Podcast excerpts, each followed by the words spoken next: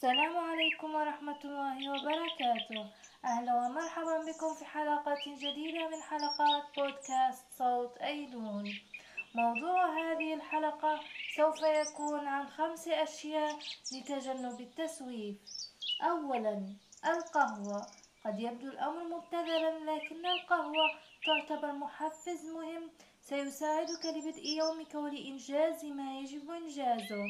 عندما تشرب كوبك وتمضي في يومك ستشعر بالحماس الإيجابية الإلهام والتحفيز. السر يكمن في التكرار. شرب القهوة كل يوم عند بدء يوم العمل يعطيك هذا الشعور بالإنتاجية. ثانيا قائمة المهام المكتوبة باليد. الاعتماد على القوائم المهام المكتوبة بخط اليد يختلف عن الأنظمة الرقمية في أنها قائمة حقيقية تستطيع لمسها.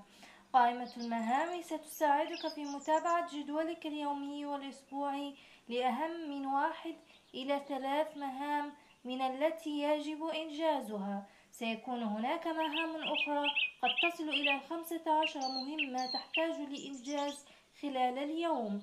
ولكن لا بأس ليست نهاية العالم إن لم تستطع أن تنجز هذه المهام الصغيرة. لكن المهام الثلاثة هذه المهمة حتما ستوقف تقدمك.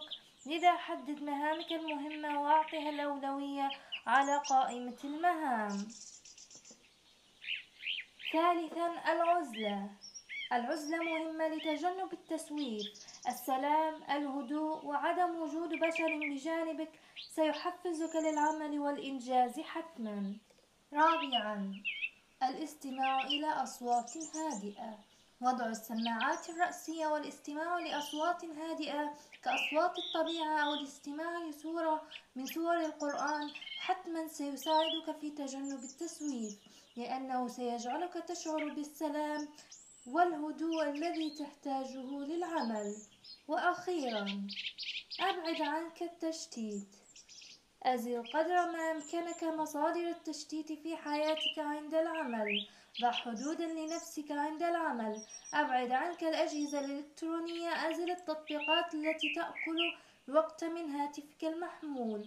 وكل شيء آخر يجعلك تقوم بالتسويف ويوقف تقدمك. عند هنا تنتهي حلقة اليوم. نلتقي في حلقة جديدة وموضوع جديد. شكرا لاستماعكم. والسلام عليكم ورحمة الله وبركاته.